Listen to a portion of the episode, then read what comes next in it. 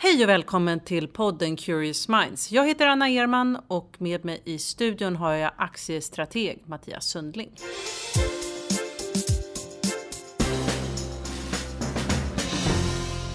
Hej och välkommen Mattias efter en lång julledighet. Tack. Svenska börsåret har haft en liten trevande start här 2017. Hur ser du egentligen på börsåret 2017? Eh, jag ser precis likadant på börsåret 2017 som jag gjorde eh, tidigare, nämligen att jag tror att det är ett bra börsår. Eller att vi befinner oss i en bra börsperiod fortfarande. Att man, en, man ska inte vara underviktad aktier, utan eh, man ska ha aktier tror jag det här året. Och om man då tittar, om du har den här positiva synen, vad är det du ser köpläge? Är det någon speciell bransch som du vill lyfta fram eller något företag? Ja, alltså vi har ju gjort så här. Och då, då ska jag säga det, när du, så här, du frågar mig om börsåret 2017. Uh, ehm, det, man får ju ta det här i, i steg liksom.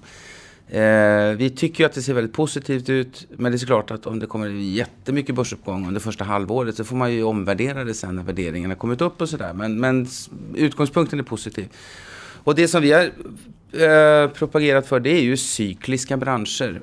Och det kan vara lite jobbigt för några av dem har blivit ganska uppvärderade och uppfattas som ganska dyra. Du får nästan det... förklara cykliska. För ja, som... förlåt mig. Då, ja. Då, menar, ja, då menar vi konjunkturkänsliga aktier. Under lång, lång tid så var det ju högsta mode att köpa sånt som inte var konjunkturkänsligt. Eh, utan hade väldigt stabila inkomst, alltså inkomstflöden, alltså aktier som liknar obligationer. Men eh, det tror vi, eh, i och med att vi ser en, en vändning i konjunkturen eh, på grund av Trump då, som vi kan komma tillbaks till, så, så tror vi att man ska ha konjunkturkänsliga bolag. Eh, verkstadsbolag, eh, cykliska konsumentbolag, råvarubolag. Eh, och det gör vi därför att vi tror att där kommer det hända väldigt mycket på vinsterna i år.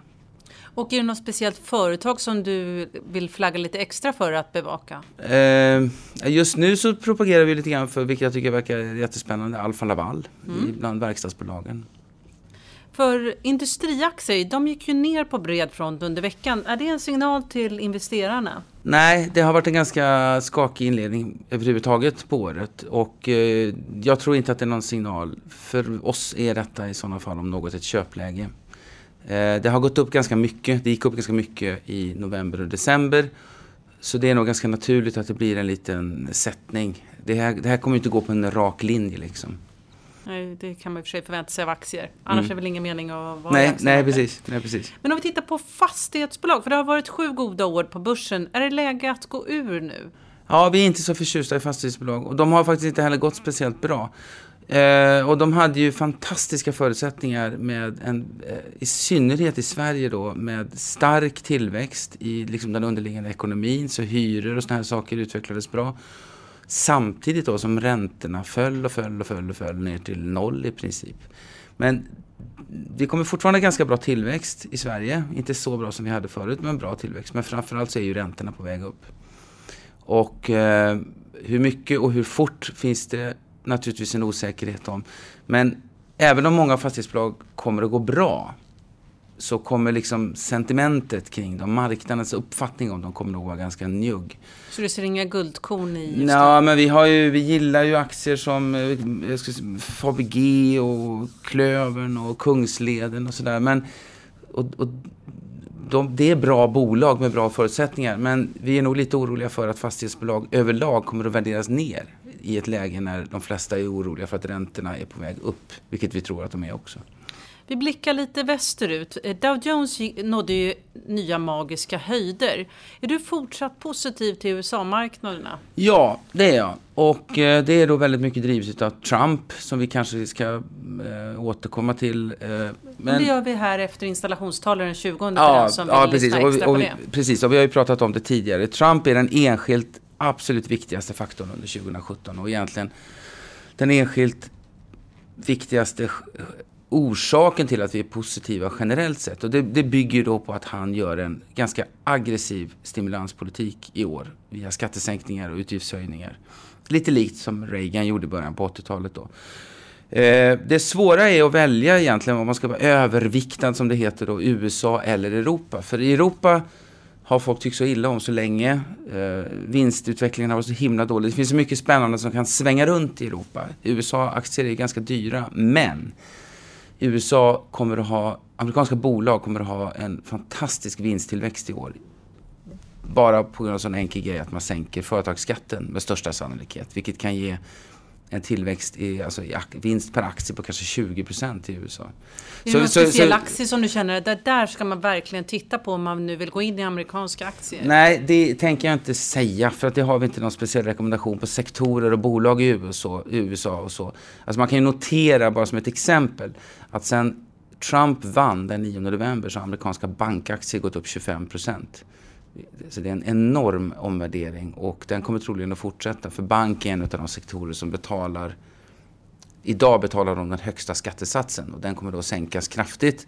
Plus att de gynnas av att räntorna går upp och så vidare och så vidare. Så, så, men, men det är nog samma sak där egentligen, konjunkturkänsligt. Eh, men, men jag har inte några bra, jag kommer inte tipsa om några bolag i USA för så bra koll har jag inte på, på enskilda aktier. Men några svenska bolag som har stark eh, försäljning i USA? Hur ser du på dem? Ja, då ska jag bläddra i mina papper här. till exempel. Ja, eh, jag ska faktiskt bläddra i mina papper här. Vi, vi gjorde ju så här att vi tittade på, om man, om man bara tar den här skattesänkningen i USA, så är det ju så att det är många nordiska bolag som också har stora verksamheter i USA och som kommer att gynnas av den här skattesänkningen. Så vi, vi, vi gjorde liksom en liten screening och kollade vilka som gynnades mest. Så i det gänget ligger då Konecranes, Assa, Elux, Securitas, Volvo till exempel. Så där har du ett halvdussin cykliska nordiska bolag som kommer, att gynna, som kommer att gynnas ordentligt av en skattesänkning i USA, de också.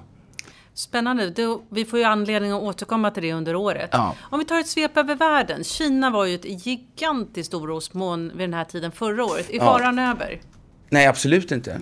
Uh, absolut inte. Och uh, uh, om det är någonting Eh, Eh, jag fick någon fråga någonstans om det, hade, om det var någonting jag var orolig för och, och, då är det just Kina. Nu går Kina under radarn. Men ingenting av det som vi var oroliga för i Kina har löst sig. Tvärtom egentligen. Eh, om man det beror lite grann på hur man definierar Kinas problem. Men om man definierar ett av nyckelproblemen, den alldeles för starka kredittillväxten, den alldeles för stora stocken av utestående lån och krediter och den alldeles för stora gruppen av bolag med för dålig lönsamhet eh, så har ingenting hänt. Utan egentligen har man bara köpt sig mera tid genom att låta bankerna låna ut mer pengar. Um, Kommer de få problem nu när dollarn stärks? Ja, ja det, den risken absolut. Det, rent allmänt kan man säga att vi var ju underviktade tillväxtmarknader, eller emerging markets, från 9 november. Vi har faktiskt tagit upp dem nu på övervikt igen, för de har gått så himla dåligt. Och för att vi tror att dollarn inte kommer, det kommer inte hända så mycket mer på dollarn här nu under ett tag. Eh, men absolut, de, ett problem i Kina är att den privata sektorn har tagit upp jättemycket lån i dollar. Korta lån i dollar. Så att de är otroligt exponerade mot en dollarappreciering. Så det är en risk. Eh, nu tror jag att det går lite grann under radarn därför att Kina kan liksom fine-tuna det där lite grann genom att hålla på och stimulera och försöka öka kredittillväxten. Det är lite gasbromspolitik som de håller på med. Och sen är det också så att om det blir som vi tror, att USA för första gången på länge nu växer med 3,5-4% i år, så är vi ju inte lika beroende av kinesisk tillväxt. Så då faller det lite grann i skuggan också. Men det är eh, ett, ett farligt, en, en farlig region. Så att det finns anledning för oss att diskutera det vidare. Vi tar lite kort på Ryssland. Är det fortfarande intressant för den som söker högriskaktier? Ja, det är det väl. Det får man väl säga.